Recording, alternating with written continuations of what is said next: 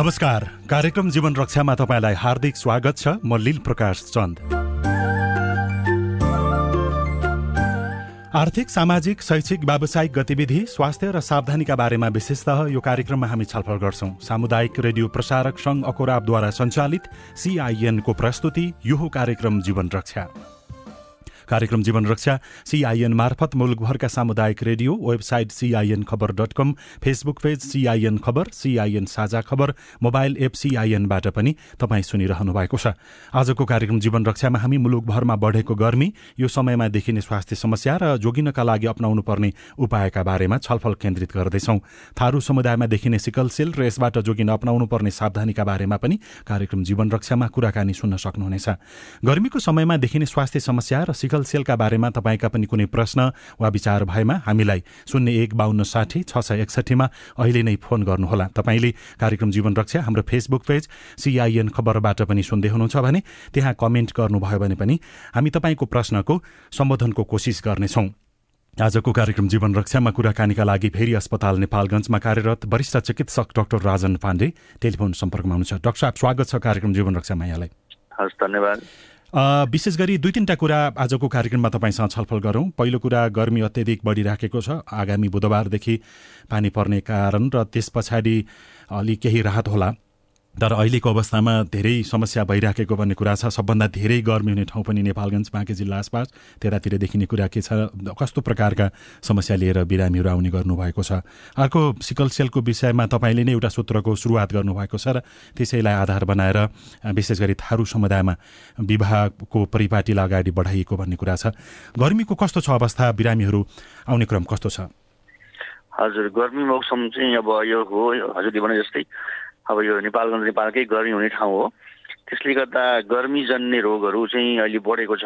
यसमा चाहिँ दुई प्रकारको रोगहरू छ। एउटा चाहिँ यो तातो हिटले गर्दा हुने अलिकति लु लागे जस्तो हुने होइन? हिट स्ट्रोक यस्तो खालको बिरामीहरू पनि देखिएको छ। यहीँनिर यो हिट स्ट्रोक भनेर केही दिन अगाडि यो कैलालीमा नेपाल प्रहरीका केही जवानहरू दौड्दा दौड्दै बेहोस भएर त्यहाँ भेन्टिलेटरसम्म पनि पुर्याउनु पर्ने अवस्था आयो भनेर खबर सार्वजनिक भएको थियो। यो हिट स्ट्रोक भनेको के हो? त्यो चाहिँ एक्सेसिभ चाहिँ यो इन्भाइरोमेन्टमा चाहिँ हिट भइसकेपछि त्यसपछि त्यसले गर्दाखेरि चाहिँ शरीरको जुन नर्मल्ली हुने फिजिकल जुन अवस्था हो त्यो अवस्थालाई नै यसले चाहिँ सिस्टम सट डाउन गरिदिन्छ। त्यसपछि शरीरको जुन तापक्रम मेन्टेन गर्ने सिस्टम हो त्यो नै फेल खान्छ।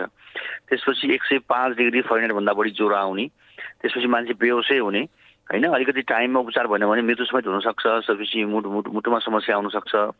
हामी कहाँ पनि एउटा बिरामी किडनी फेल खाएर यो चाहिँ अलिकति दौडिन थाल्नु भएको छ उहाँ दौडिँदाखेरि चाहिँ हामी मेडिकल भाषामा ऱ्याप्टोमाइलाइसिस भन्छौँ। त्यो मसलको चाहिँ ब्रेकडाउन भएर अनि जो चाहिँ किडनीमा गएर बसेर चाहिँ किडनी नै फेल खाएर पनि हामी कहाँ एउटा बिरामी भर्ना आउनु भएको थियो। डाक्टर साहब त्यसो भए अहिलेको अवस्थामा अब के कुरामा ध्यान दिनु पर्यो? जस्तो एउटा शारीरिक तन्दुरुस्तीका लागि पनि बिहान साँझ मानिसहरूमा दौड्ने बानी व्यवहार हुन्छ। त्यसलाई नियन्त्रण अहिलेलाई स्थगित गर्नु पर्यो कि? अथवा कसरी हामीले आफ्नो दैनिक जीवनलाई अगाडि बढायो भने तपाईँले भने जस्तै यो प्रकारको समस्या आउनुबाट जोगिन सकिन्छ? सकभर चाहिँ अब विशेष गरी बढी कडा परिश्रम गर्ने खालको जस्तै आर्मी प्रहरी तथा अरू एथलेटिक्सको एकदम कडा परिश्रम चाहिँ यस्तोमा नगराउने होइन? अथवा गराउनै पऱ्यो भने पनि एकदम बिहान होइन? अथवा अलिकति टेम्परेचर मेन्टेन भएको बेलामा गराउने अलिकति दिउँसोतिर चाहिँ त्यस्तो खालको लामो दौडहरू गराउन चाहिँ यस्तो बेला उपयुक्त छैन। त्यस्तै पानी प्रशस्त पिउनु पऱ्यो। त्यसपछि सकभर गर्मीमा बाहिर ननिस्किँदा हुन्छ भने ननिस्किने र यदि मजदुरहरू जो लेबर काम गर्नुभएको छ उहाँहरूलाई पनि दिउँसो एकदम प्रशस्त हिट हुने अवस्था जस्तै दिउँसो बाह्रदेखि तिनको बेला यो बेलामा चाहिँ रेस्टको चाहिँ मौका दिने होइन? त्यस्तो गर्ने र पानी चाहिँ प्रशस्त फ्लुड प्रशस्त पिउने गर्नुपर्छ। र अर्को कुरा चाहिँ के देखिएको छ भने शरीर दुख्यो भनेर बिरामीहरूले जुन हामी मेडिकल भाषामा एनएसएआइडी भन्छौँ भन्दा खोजेको पेन किलर जस्तै डिक्टोफिन्याक निमेसुलाइट होइन? यो चाहिँ यस्तो खालको औषधिहरू खाएर शरीरमा पहिले नै पानीको मात्रा कम भएको हुन्छ। अनि झन् यस्तो औषधि खाँदाखेरि चाहिँ अरू बेलामा चाहिँ असर नगर्ने बिरामीलाई पनि किडनीमा समस्या आउने देखिन्छ। त्यसले गर्दाखेरि चाहिँ शरीर दुख्यो यस्तो हो भने सिम्पल प्यारासिटामोल खाने यस्तो एनएसएआइडी जुन पेन किलर्सहरू चाहिँ प्रयोग नगर्ने। त्यो गर्न सकेको खण्डमा चाहिँ बिरामीलाई चाहिँ अलिकति किडनी फेल खानाबाट जोगाउन सक्छौँ। यो पेनकिलरको प्रयोग गरिराखेको बिरामीहरूको लागि अहिले गर्मीको समयमा जुन प्रकारको जोखिम रहन्छ यसले झन् अप्ठ्यारो पार्ने भएको कारणले कि अथवा के छ त्यस्तो कारण मुख्य? नर्मल्ली पनि पेन किलर दुई तरिकाको छ। हामी एउटा एनएसआइडी भन्छौँ अर्को नन एनएसआइडी भन्छौँ। एनएसआइडी भन्नाले कमनली हामीले ओभर दि काउन्टर मेडिसिन लिन्छौँ नि जुन हामीले डिक्लोफिनाक निमेसुलाइडहरू यो खालको पेन किलर सामान्य गरेर मलाई पेन किलर दिनुहोस् अथवा टाउको दुख्यो शरीर दुख्यो दिनुहोस् भनेर खाने औषधि हुन्छ। यो औषधिले मृगलामा लामो समय खायो भने अरू अरू हेल्दी मान्छेलाई पनि असर गर्न सक्छ। यो गर्मीको कारणले डाक्टर साहब जस्तो टाउको दुख्ने अथवा आलस्य हुने अथवा कहीँ दुखे जस्तो शरीर दुखे जस्तो त्यस्तो हुने लक्षणहरू पनि देखा पर्छन् ताकि व्यक्तिहरूमा यो पेन किलर ल्याएर बजारमा अथवा मेडिकलमा गएर ल्याउँदै खाँदै गर्ने त्यस्तो बानी व्यवहार बसेको हुनसक्छ? हजुर। त्यसले पनि बानी व्यवहार बस्ने भयो। अर्को चाहिँ अलिकति तातो जस्तो हुने ज्वरो आए जस्तो शरीर तातो जस्तो होइन? अलिकति उकुस मुकुस भए जस्तो के गरौँ कसो गरौँ जस्तो खालको मान्छेलाई त्यस्तो भयो बेलामा पनि कोही कोहीले चाहिँ पेन किलर खाएको देखिन्छ। उनीहरूले पेन किलर चाहिँ त्यस्तो प्रयोगै नगरौँ र मेन कुरा पानी प्रशस्त पिउँ। शरीर जुरिङ्ग भयो शरीरलाई पेन किलर जस्तो खानु पऱ्यो भने पनि सिम्पल प्यारासिटामोल प्यारासिटामोल चाहिँ चौबिस घन्टामा हेल्दी मान्छे एडल्ट मान्छे छ लिभरको बिरामी छैन भने चार ग्रामसम्म खान मिल्छ प्यारासिटामोल है। यदि हेल्दी छ लिभरको बिरामी छैन एडल्ट मान्छे छ भने। त्यो उनीहरूले चाहिँ सबभन्दा नखाउँ अरू चाहिँ सामान्य खालको योगाहरू गरेर पानी प्रशस्त पिएर नै यसलाई ठिक पारौँ। भएन अघि जुन यो कडा खालको एउटा शारीरिक अभ्यासलाई अहिले तत्काल त्यसरी गर्नै पर्ने अवस्था भएको अवस्थामा पनि कम गरौँ भन्नुभयो। यसलाई यो कुरा गर्दै गर्दाखेरि अब जुन बिहान बेलुका पख यो मर्निङ वाक अथवा इभिनिङ वाक साँझको बिहानको हिँडाइ त्यो जुन शारीरिक तन्दुरुस्तीका लागि छ त्यसलाई चाहिँ यसले बाधा छेकबार गर्छ कि गर्दैन? गर्दैन। गर्दैन त मोडरेट माइल्ड टु मोडरेट खालको एक्सर्साइज चाहिँ गर्न मिल्छ। त्यो गर्दाखेरि पनि पानी पिउने जाने जानुभन्दा अगाडि पनि पानी पिउने हिँड्दाखेरि पनि पानी लिएर जाने बिचमा पनि ब्रेक लिएर पानी पिउने होइन? त्यो चाहिँ डिहाइड्रेसन जुन हामीले जलवियोजनको अवस्था चाहिँ नल्याउने हामीले होइन? किनभने यसै पनि बस्दै छौँ पसिना जाने यस्तो चाहिँ अब मौसम छ। अलिकति हिँडुल एक्सर्साइज गऱ्यो भने झन् पसिना गएर शरीरमा पानीको मात्रा कम हुन्छ। त्यस्तो चाहिँ गर्न मिल्छ। मैले भन्न खोजेको एकदम कडा खालको छ जस्तै आर्मी प्रहरी त्यस्तै तपाईँको यो भारतीय सेना अथवा ब्रिटिस सेनामा तयारीको लागि भनेर बिहान दौडिने जस्तै यो वन रक्षको तालिमको लागि दौडिने त्यस्तै खालको एथलेटिक्सहरू कडा खालको चाहिँ परिश्रम त्यो गर्न चाहिँ गर् यो बेलामा नगर्नै उपयुक्त हुन्छ यस्तो बढी गर्मीको बेलामा हजुर। अब यो गर्मीको समयमा काठमाडौँ आसपासको त के गर्मी छ र अहिले मधेस नेपालगञ्ज अथवा जुन तराईको जिल्लाहरूको तुलनामा? तर यो गर्मीको बेलामा अत्यधिक धेरै पसिना बग्ने कारणले गर्दाखेरि पनि त्यो सारा शरीर नै भिजिराखेको हुन्छ लगाएको लुगाहरू होइन? अब यो पसिना धेरै बग्दाखेरिको थप समस्या केही जोखिम हुन्छ ताकि भोलि त्यो कारणले गर्दाखेरि व्यक्तिको शारीरिक अवस्थामा केही समस्या देखिन सक्ने त्यो बारेमा के बताउनुहुन्छ यहाँले? यसको एउटा चाहिँ एक्युट भनेको चाहिँ मान्छेलाई असहज जस्तो हुने काम गर्न नसक्ने चिचिरावट हुने होइन? शरीरमा नुनको मात्रा पनि कम हुने यस्तो देखिएको छ। र जो व्यक्ति एकैचोटि गर्मी मौसममा आउनुभएको छ जो चाहिँ सुरुबाटै बसिरहेको छ बिस्तारै गर्मी जस्तै जसलाई हामीले मेडिकल भाषामा एक्लामाटाइजेसन भन्छौँ बिस्तारै फेस गरेको छ उहाँहरू चाहिँ एडप्ट गर्न सक्नु भएको छ। जस्तै कर्मचारी मान्छे एकैचोटि यो जेठ असारमा यहाँ सरुवा भएर आउने मान्छेहरू चाहिँ सर मलाई त सरुवा गर्नु गर्नु पऱ्यो केही हेल्थ रिपोर्ट लेखिदिनु पऱ्यो म त यहाँ बस्नै सक्दिनँ। म त जागिरै चाहिँ छोड्नुपर्ने अवस्था आयो भनेर पनि आउनुहुन्छ। जो एकैचोटि जेठ असारमा सरुवा भएर आउनु भएको छ। जो अब जाडो मौसमबाटै बस्नु भएको छ बिस्तारै डे बाई डे गर्मी चाहिँ सहँदै जानु भएको छ। उहाँहरू चाहिँ जेनरली टोलेट गर्नु भएको छ होइन? त्यस्तो अवस्था छ। यसले चाहिँ फिजिकल रूपमा र मेन्टल्ली पनि मान्छेलाई काममा पर्फर्मेन्स पनि दिन सक्ने रिसाउने झन्किने। किनभने अब हामी कहाँ सबै ठाउँमा त्यस्तो वातानुकूलित अवस्था त छैन। जस्तै विदेशतिर स्टेडियमहरू ठुल्ठुला स्टेडियमहरू नै वातानुकूलित हुन्छन्। त्यहाँ जतिसुकै पिटी परेड गरे पनि गर्मी भए पनि जाडो भए पनि फरक पर्दैन। तर हामी कहाँ त्यस्ता खालका चाहिँ संरचनाहरू छैनन्। केही निजी होइन सीमित व्यक्तिहरूले मात्रै एसी राखेर बस्न सक्ने अवस्था छ। यो महँगो छ खर्चिलो छ। सार्वजनिक ठाउँहरूमा त्यस्तो वातानुकूलित खासै पाइँदैन। त्यसले गर्दाखेरि चाहिँ गाह्रो छ। हजुर। डाक्टर साहब हामीलाई सामाजिक सञ्जाल फेसबुकमा केही प्रश्नहरू प्राप्त भएका छन्। म त्यो क्रमैसँगै यहाँ समक्ष राख्छु।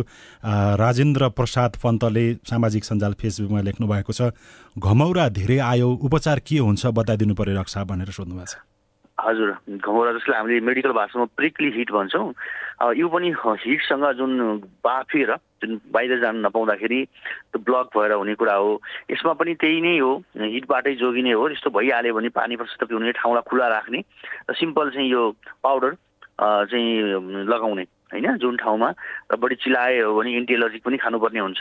त्यसलाई चाहिँ हामीले वार्म आइन हिट अवस्थामा चाहिँ यो बढी जुन कपडाले ढाकेको ठाउँमा अथवा बाफिएको ठाउँमा हुन्छ त्यसलाई ओपन राख्ने चिसो पानीले धुने र पानी प्रशस्त पिउने नै हो। शङ्कर शङ्कर शङ्कर उप्रेतीले अर्को प्रश्न सोध्नु भएको छ घमौरा किन आउँछ र यो गर्मी र घमौराको सम्बन्ध के हो भनेर सोध्नु भएको छ?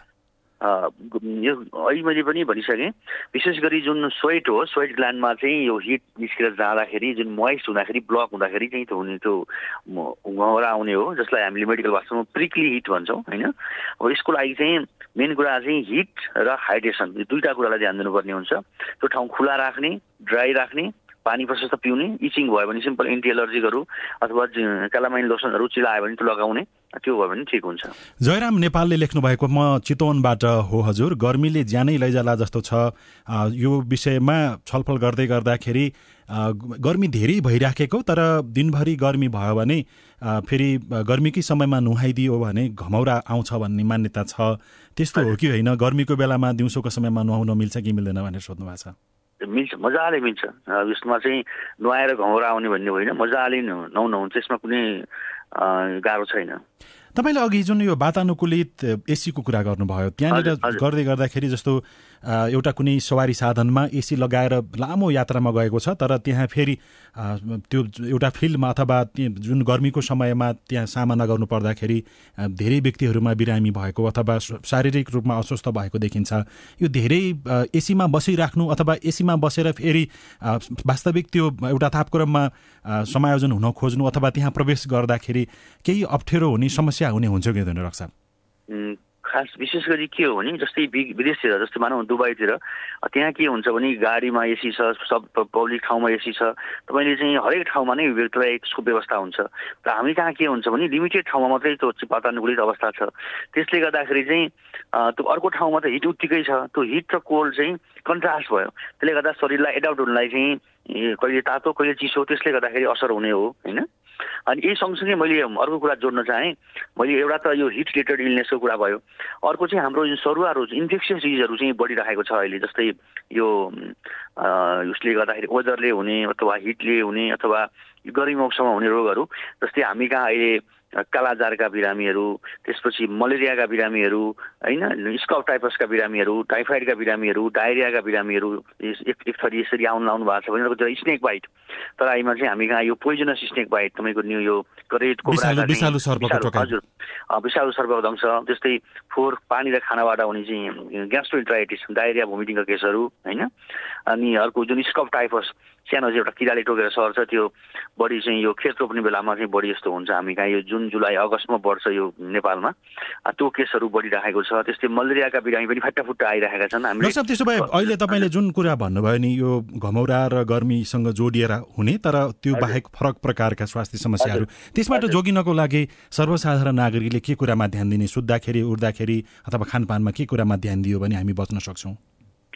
अब हिट रिलेटेड इलनेसमा चाहिँ मेनली म त फ्लुडलाई नै जोड गर्छु झोलहरू बढी खाने सकभर कपडाहरू पनि त्यस्तै खालको लाउने अलिकति ड्राई हुने खालको बढी ला लामो लाम्बा बढी कपडाहरू बढी बाफिने बाफ हुने खालि लाउनु लाउने अलिक खुला खालको लगाउनु पऱ्यो होइन?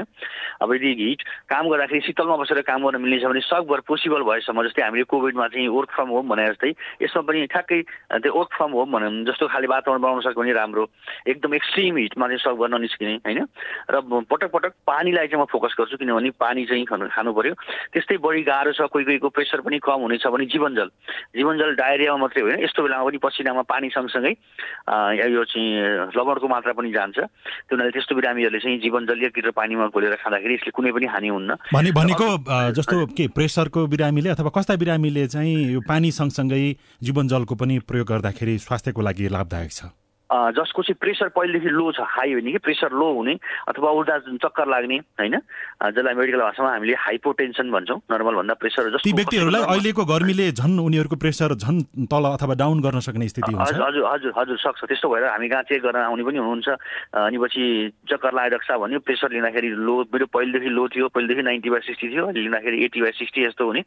उहाँहरूलाई औषधि केही चाहिँदैन सिम्पल झोलहरू बढी खानुहोस् गर्मीमा ननिस्किनुहोस् र बरु जीवनजल दिनमा दुई लिटर तिन लिटर जीवनजल पिउँदा केही पनि असर पर्दैन। राम्रो यसले स्वास्थ्यलाई राम्रै गर्छ। त्यो खानुहोस् भन्दाखेरि उहाँहरूलाई चाहिँ राम्रो हुन्छ।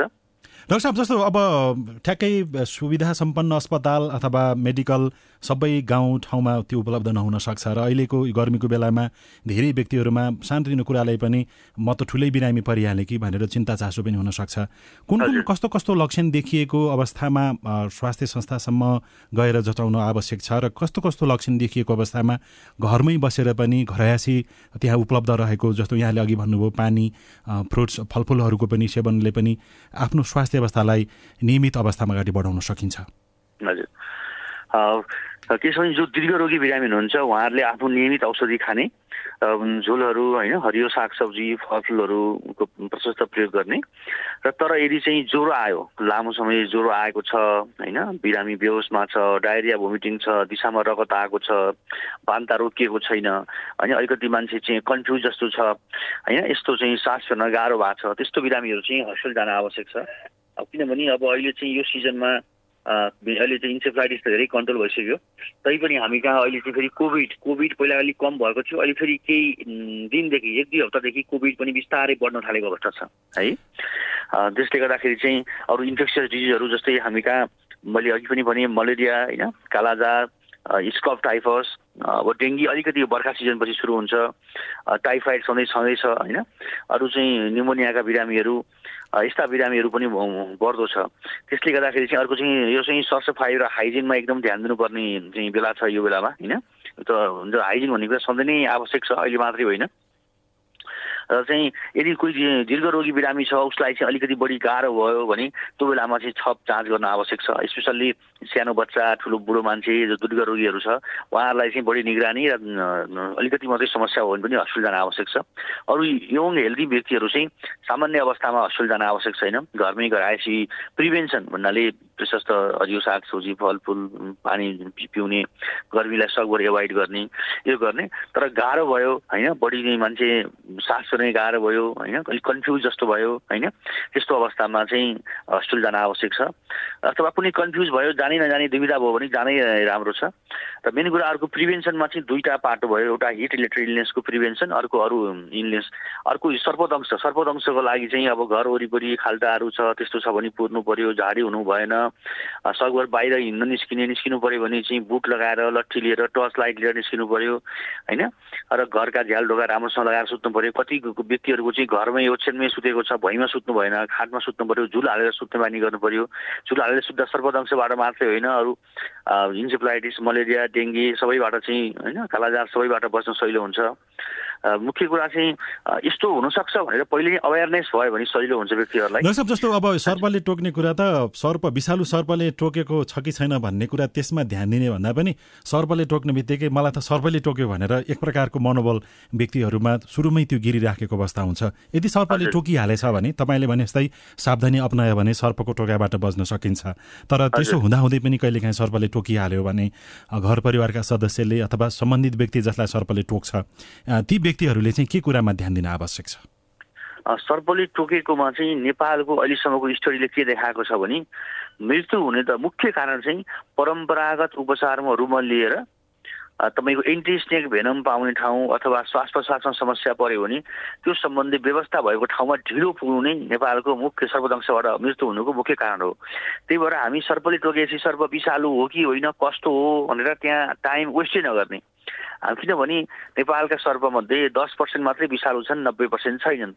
तर विषालु सर्पले टोक्यो भने समयमा उपचार नगर्दा ज्यानै जाने खतरा भएको हुनाले र हामीले सामान्य अवस्थामा सर्प विषालु हो कि होइन छुट्याउन गाह्रो पर्ने हुनाले सबैले टोक्ने बित्तिकै पहिलो काम के हुनुपर्छ भने त्यो ठाउँलाई सिम्पल एउटा क्रेप ब्यान्डेज लगाएर at least anti snake venom परेको खण्डमा एन्टी स्नेक भेनम अथवा भेन्टिलेटर्सको सुविधा भएको ठाउँमा दौडाउनुपर्छ तर हामी कहाँ के छ भने सर्पले टोक्यो भने पर अझै पनि बुझेकै मान्छेहरू पनि परम्परागत उपचारमा रुमल लिने यो त विषालु हो यो त होइन भनेर आफै निर्गुल गरेर बस्ने अनि अन्तिम अवस्थामा सिरियस भएपछि जाँदाखेरि कोही बाटैमा मृत्यु हुने अथवा हस्पिटल पुगे पनि ढिलो गरी पुगेर बिरामी बचाउन नसकिने बचाए पनि उसको अरू समस्याहरू रहिराख्ने यस्तो छ त्यो हुनाले सर्पदंशको मुख्य उपचार भनेको सिम्पल क्रेप ब्यान्डेज लगाएर at least anti snake venom. सर्पले टोकेको होइन त्यो बिसको पत्रियो राम्रो औषधि पाइने ठाउँमा त्यहाँ पुऱ्याउनु हो। त्यहाँ जाने चौबिस घन्टा मोनिटरिङमा बस्ने लक्षण आयो उपचार सुरु हुन्छ लक्षण नआए डिस्चार्ज गरेर घर आउने। यो चाहिँ मुख्य चाहिँ यसमा चाहिँ मृत्युबाट जोगिने उपाय हो। डाक्टर साहब हामीलाई सामाजिक सञ्जाल फेसबुकबाटै जीवन रक्षा कार्यक्रम सुन्दै गर्दाखेरि जङ्ग तामाङले लेख्नु भएको छ यो डाक्टर मेरो यो घाँटीमा दाद आयो यसको उपचार अथवा कसरी के गर्न सकिन्छ भनेर सोध्नु भएको छ? कतिको सम्बन्धित छ यहाँसँग यो? ए दाँतको लागि खास अब कतिपय अवस्थामा दाँत भनेर हामीले कमनली अलिक छाला चिलायो भने दाँत भन्छौँ होइन। सबभन्दा राम्रो त नजिक अहिले चाहिँ ठाउँ ठाउँमा हस्पिटल छन् छालारोग विशेषज्ञ डक्टरलाई देखाएर परामर्श लिँदाखेरि राम्रो हुन्छ। कति कति यो दाँत भने कति इक्रीमा एलर्जीले हुन्छ एलर्जी भएको हुन्छ दाँत भनिराखेका हुन्छौँ कहिले साँच्चै दाँतै भएको हुन्छ अथवा अरू कारणले पनि घाउ आइरहेको हुनसक्छ यसलाई चाहिँ मतलब चाहिँ सम्बन्धित नजिकको एउटा छालारोग विशेषज्ञ डक्टरलाई देखाएरै परामर्श लिन चाहिँ उपयुक्त हुन्छ। हामीसँग धेरै समय त छैन तर पनि तपाईँले जुन अभ्यास गरिराख्नु भएको छ कि पश्चिम नेपालका थारू समुदायमा देखिने सिकल सेल त्यो जुन रोग छ यो रोगसँग सम्बन्धित भएर विवाहको कारणले पनि त्यसमा कहीँ न कहीँ काम गरिराखेको छ भन्ने उद्देश्यले तपाईँले त्यो थारू समुदायका युवा युवतीहरूको विवाहको लागि आवश्यक पर्ने चिना जस्तो बनाएर त्यसलाई अभ्यासमा ल्याउनु भयो भन्ने विषयमा धेरै चर्चा परिचर्चा भइराखेको छ। यो के हो र यो कतिको प्रभावकारी भइराखेको छ त्यसमा केन्द्रित रहँ अब। यो चाहिँ विश्वभरि नै प्र्याक्टिस भएको जुन मेडिकल भाषामा हामी के भन्छौँ भने अटोजमल रेसेसिभ तरिकाबाट सर्ने वंशानुगत रोग। यो भनेको कस्तो हो नि? सिकल सेल मात्रै होइन? सिकल सेल थ्यालेसिमिया लगायत अरू धेरै त्यो अटोजमल रेसेसिभ तरिकाबाट सर्ने रोगहरूमा यो प्रयोग हुन्छ। यो चाहिँ मैले बनाएको भन्दा पनि यो सर्वमान्य सिद्धान्त हो। यो वैज्ञानिक रूपमा प्रमाणित भएको सिद्धान्त हो। यसलाई मैले नेपाली भाषामा हामीले प्रयोग गर्ने तरिकाले उल्था गरेको मात्रै हो है? त्यसमा चाहिँ बाहाग भन्ने अवस्था हुन्छ। बाहाग भनेको बुवा वा आमा मध्येबाट एउटाबाट मात्रै बच्चामा रोग सर्यो भने हामी बाहाग भन्छौँ। बुवा र आमा दुवैबाट बच्चामा रोग सरेको छ भने बच्चा रोगी भन्छौँ। हाम्रो उद्देश्य चाहिँ समुदायमा सिकल सेल र थ्यालेसिमियाका रोगी नहुन् भन्ने हो। त्योबाट बस्नको लागि चाहिँ बाहाग बाहाग बिच रोगी र बाहाग बिच रोगी रोगी बिच बिहा रोक्यो भने आगामी सन्तान रोगी हुन सक्दैन। यो चाहिँ विभिन्न देशमा प्रयोग भइसकेको छ। जस्तै साइप्रसमा यही सिद्धान्त प्रयोग गरेर धेरै थ्यालेसिमियाका बिरामी न्यूनीकरण भइसकेको छ। त्यस्तै हाम्रो छिमेकी मुलुक भारतमा मालदिप्समा बहराइनमा साउदी अरेबियामा यो चाहिँ प्रयोग भइराखेको छ। त्यो हुनाले चाहिँ यो चाहिँ मेरो आविष्कार भन्दा पनि यो साइन्टिस्ट रूपमा जुन मेन्टेनियन प्रिन्सिपल भन्छौँ हामीले जेनेटिक्समा मेडिकल जेनेटिक्समा त्यसको सर्वमान्य सिद्धान्त हो। त्यसलाई मैले नेपालीमा बुझ्ने भाषामा एक प्रकारको उल्था जस्तो मात्रै हो। हजुर। यसमा चाहिँ अब थारू समुदायमा मात्रै यसको अभ्यास गर्नु आवश्यक के कारणले देखियो? अरू समुदायमा जस्तो अरू विभिन्न प्रकारका जात जाति वर्ग समुदायमा यो आवश्यक किन देखिएन अहिलेको अवस्थामा? हालसम्मको हाम्रो डाटा लेखिरहेका छौँ भने थारू समुदायमा सिकल सेल र थ्यालेसिमिया जनस्वास्थ्य समस्याको रूपमा रहेको छ। जनस्वास्थ्य समस्या भनेको चाहिँ अब यो सिकल सेलका बाहक चाहिँ थारू समुदायमा दस पर्सेन्ट देखिएको छ। रोगी एक पर्सेन्ट थ्यालेसिमियाको बाहक पाँच पर्सेन्ट देखिएको छ। संसारभरि चाहिँ जम्मा पाँच पर्सेन्ट मात्रै छन् सिकल सेल थ्यालेसिमियाका रोगी र बाहक गरेर सालाखाला एभरेजमा। तर थारू समुदायमा सिकल र थ्यालेसिमिया गरेर करिब करिब बिस पर्सेन्ट व्यक्ति कि रोगी छन् कि बाहक छन्। त्यसरी एउटा जनस्वास्थ्य समस्या भएको हुनाले यसको न्यूनीकरणको चाहिँ मुख्य यसको चाहिँ कोसे ढुङ्गा भनेकै समुदायमा बाहक पत्ता लगाएर रोगी पत्ता लगाएर रोगी रोगी रोगी र बाहक र बाहक बाहक बिच बिहा रोक्यो भने बच्चाहरू रोगी नहुने हो। एउटा बिरामी भयो भने उसले जिन्दगीभर सङ्घर्ष पेन सफरिङ खर्च गरेर परिवार आर्थिक सामाजिक रूपमा ध्वस्त हुने अवस्था छ। यो सिकल भयो भने। यसको उपचार पूर्ण रूपमा उपचार सम्भव छ कि छैन? यसको पूर्ण रूपमा उपचार भन्दा पनि यो क्रोनिक म्यानेजेबल कन्डिसन हो। त्यो भन्न खोजेको डायबिटिज दम हाइपरटेन्सन जस्तै म्यानेज गर्न सकिन्छ। म्यानेज गर्न सकिन्छ क्योर चाहिँ हुन्न है? अब यदा कदा बोन म्यारो ट्रान्सप्लान्ट गऱ्यो भने क्योर हुने कुरा अलग कुरा। तर हाम्रो परिस्थिति हाम्रो अवस्थामा चाहिँ त्यो कुरा अहिले त्यति धेरै सान्दर्भिक छैन। यो चाहिँ क्रोनिक म्यानेजेबल कन्डिसन हो। वी क्यान म्यानेज इट है भन्न खोजेको औषधि दिएर हाइड्रोक्सियुरिया फोलिक एसिड निमोनियाको भ्याक्सिन दिएर कन्ट्रोल चाहिँ गर्न सकिन्छ तर कम्प्लिट क्योर चाहिँ हुन्न। र यो खर्चिलो छ जिन्दगीभर यसले सफरिङ बनाउँछ त्यस्तो रोगबाट बस्न त्यस्तै अर्को बिटा थ्यालेसिमिया छ ट्रान्सफ्युजन डिपेन्डेन्ट थ्यालेसिमिया जिन्दगीभर रगत पर्ने कि त मासी फेर्नु पर्ने यस्तो महँगो र जटिल जटिल रोगबाट बस्नको लागि चाहिँ मुख्य अस्त्र भनेकै समुदायमा रहेका बाहक पत्ता लगाएर त्यो बिच वैवाहिक सम्बन्ध रोक्न सक्यो भने मात्रै यो चाहिँ हाम्रो समुदाय चाहिँ यो रोगबाट मुक्त हुने अवस्था हुने हुनाले हामीले चाहिँ यो जुन सिक्कल थ्यालेसिमिया कुण्डली बनाएर गाउँ गाउँसम्मै यसको चाहिँ प्रयोगको लागि चाहिँ जोड दिएका छौँ। अब यो कुण्डली बनाउँदै गर्दाखेरि बाहक भएका व्यक्तिहरूले विवाह नै गर्न नपाउने स्थिति बन्ने स्थितिमा हो कि? अथवा के हो? यसमा किनभने जस्तो जो बाहक र बाहक र कस्तो कस्तो बिचमा विवाह गर्नको लागि कुण्डलीलाई प्रयोग अभ्यासमा ल्याउँदै गर्दाखेरि कुनै त्यस्तो व्यक्तिहरूको अथवा त्यो समूहको विवाह नै नहुने स्थिति त भन्दैन नि फेरि। कि कस्तो होइन। त्यसमा एकदम सिम्पल छ। बिहा गर्ने एउटा पार्टनर नर्मल भएपछि अर्को पार्टनर बाहक वा रोगी जे भयो नि बिहा गर्न हुन्छ। सिम्पल। एउटा पार्टनर नर्मल हुनु पर्यो। अर्को पार्टनर बाहक होस् वा रोगी होस् त्यस्तो भयो भने बच्चा रोगी हुन्न। हाम्रो उद्देश्य बच्चा बाहक नहोस् भन्ने होइन बच्चा रोगी नहोस् भन्ने हो। किनभने एउटा रोगी भयो भने त परिवार ध्वस्त हुन्छ। यहाँ हजारौँ हजार परिवारहरू आर्थिक रूपमा एकदम पछि परेका छन्। एउटा बिरामी भएपछि वर्षको लाखौँ खर्चले पनि भ्याउँदैन त्यसले गर्दाखेरि चाहिँ बिहे गर्न नमिल्ने भन्ने रोगीले पनि बिहा गर्न हुन्छ बाहकले पनि बिहा गर्न हुन्छ तर कोसँग गर्ने अर्को नर्मलसँग गर्ने। अनि थारू समुदायको बसोबास त यो देशैभरि पूर्वदेखि पश्चिमसम्मै छ। हामीले पश्चिम पश्चिम नेपालमा यो अभ्यास यो कुण्डलीको अभ्यास भइराखेको पाइयो। अरू अरू थारू समुदायका नागरिक जस्तो राणा थारू होला अथवा पूर्व मधेस मध्य प्रदेशमा पनि थारू समुदायको बसोबास छ। त्यतातिर चाहिँ यो लागू हुन्छ कि हुँदैन अथवा गर्नुपर्छ कि पर्दैन? यो आइडियल्ली सबैमा लागु हुन्छ खास यो अरू बाहुन छेत्री गुरुङ मगर मतलब सबैले चाहिँ बिहाभन्दा अगाडि यो जाँच गरेर बिहा बिहा गर्दै हो त्यो बच्चा रोगी हुन्न किनभने थ्यालेसिमिया त हामी कहाँ बाहुन छेत्री मगर गुरुङ सबैमै छ होइन? थ्यालेसिमिया होइन? तर त्यो पनि थारू जातिमा बढी छ थारू सँगसँगै तराईमा बस्ने अन्य जातिहरू जस्तै तपाईँको यो यादव थरकोमा मण्डल थरमा शाह थरमा पनि यो थ्यालेसिमिया बढी देखिएको छ। त्यो हुनाले त्यो कुण्डली अन्त प्रयोग गर्न नमिल्ने भन्ने होइन। थ्यालेसिमिया चाहिँ थारू पछि तर तराईमा हामीले चाहिँ अरू तराईमै बस बसोबास गर्ने लामो समयदेखि बसोबास गर्ने अरू जातिहरूमा पनि उत्तिकै देखिएको छ। अब अन्त्यमा आउँदैछौँ र तपाईँसँग मलाई जान्न मन लागेको जस्तो यो गुण्डली यतातिर भिडाउँदै गर्दाखेरि अरू समुदायमा जस्तो ब्राह्मण क्षेत्री लगायत अरू समुदायमा यो सगोत्रीको विवाह गर्नु हुँदैन भन्ने ढङ्गबाट जुन प्रकारको व्याख्या र विश्लेषण हुँदै आइरहेको छ नि यो कुरा र यो अहिले जुन थारू समुदायमा विशेष गरी यो कुण्डली तपाईँले भिडाउने अभ्यासको सुरुवात गर्नुभएको छ पश्चिम नेपालमा त्यसको बिचमा केही समानता भिन्नता केही देखिन्छ कि देखिँदैन। अहिले कुण्डली भिडाउन थालेको सगोत्रीको बिचमा गर्नु हुँदैन भनेर एक प्रकारको परम्परा पनि हाम्रो समाजमा छ नि त। त्यो त्यो त्यही हो कि अथवा त्योभन्दा फरक कुरा हो यो अहिलेको? ठ्याक्कै त्यस्तै त होइन तर मोरलेस यसले चाहिँ के दिन्छ भने नजिकको जुन नाता छ नि कुनै न कुनै रूपले रगतसँग जोडिएको मान्छेसँग बिहा गर्न हुन्न भन्ने कुरा हाम्रो परम्परागत मान्यता जुन हामीले सगोत्री भन्छौँ। त्यो चाहिँ वैज्ञानिक रूपमा चाहिँ सही रहेछ। किनभने वंशानुगत रूपमा सर्ने स्पेसल्ली अटोजोमल रेसिसिभ लुकेर रहेका रोगहरू चाहिँ यसरी नजिकको नाताबिज बिहा हुँदा बच्चामा चाहिँ देखा पर्ने अवस्था हुँदो रहेछ। कुनै न कुनै यसमा विज्ञान चाहिँ यसमा लुकेको रहेछ। जुन सगोत्री बिहा गर्न हुन्न भन्ने कुरामा यसमा चाहिँ कुनै न कुनै अझ भन्छु म मेडिकल साइन्सको जेनेटिक्स मेडिकल जेनेटिक्स लुकेको चाहिँ देखिएको छ। त्यो हुनाले चाहिँ त्यो कुरा चाहिँ सत्य साबित देखिनु भएको छ। समय दिनुभयो धेरै धन्यवाद छ डाक्टर साहब। हामी आगामी अङ्कमा फेरि यहाँसँग कुराकानीलाई निरन्तरता दिनेछौँ।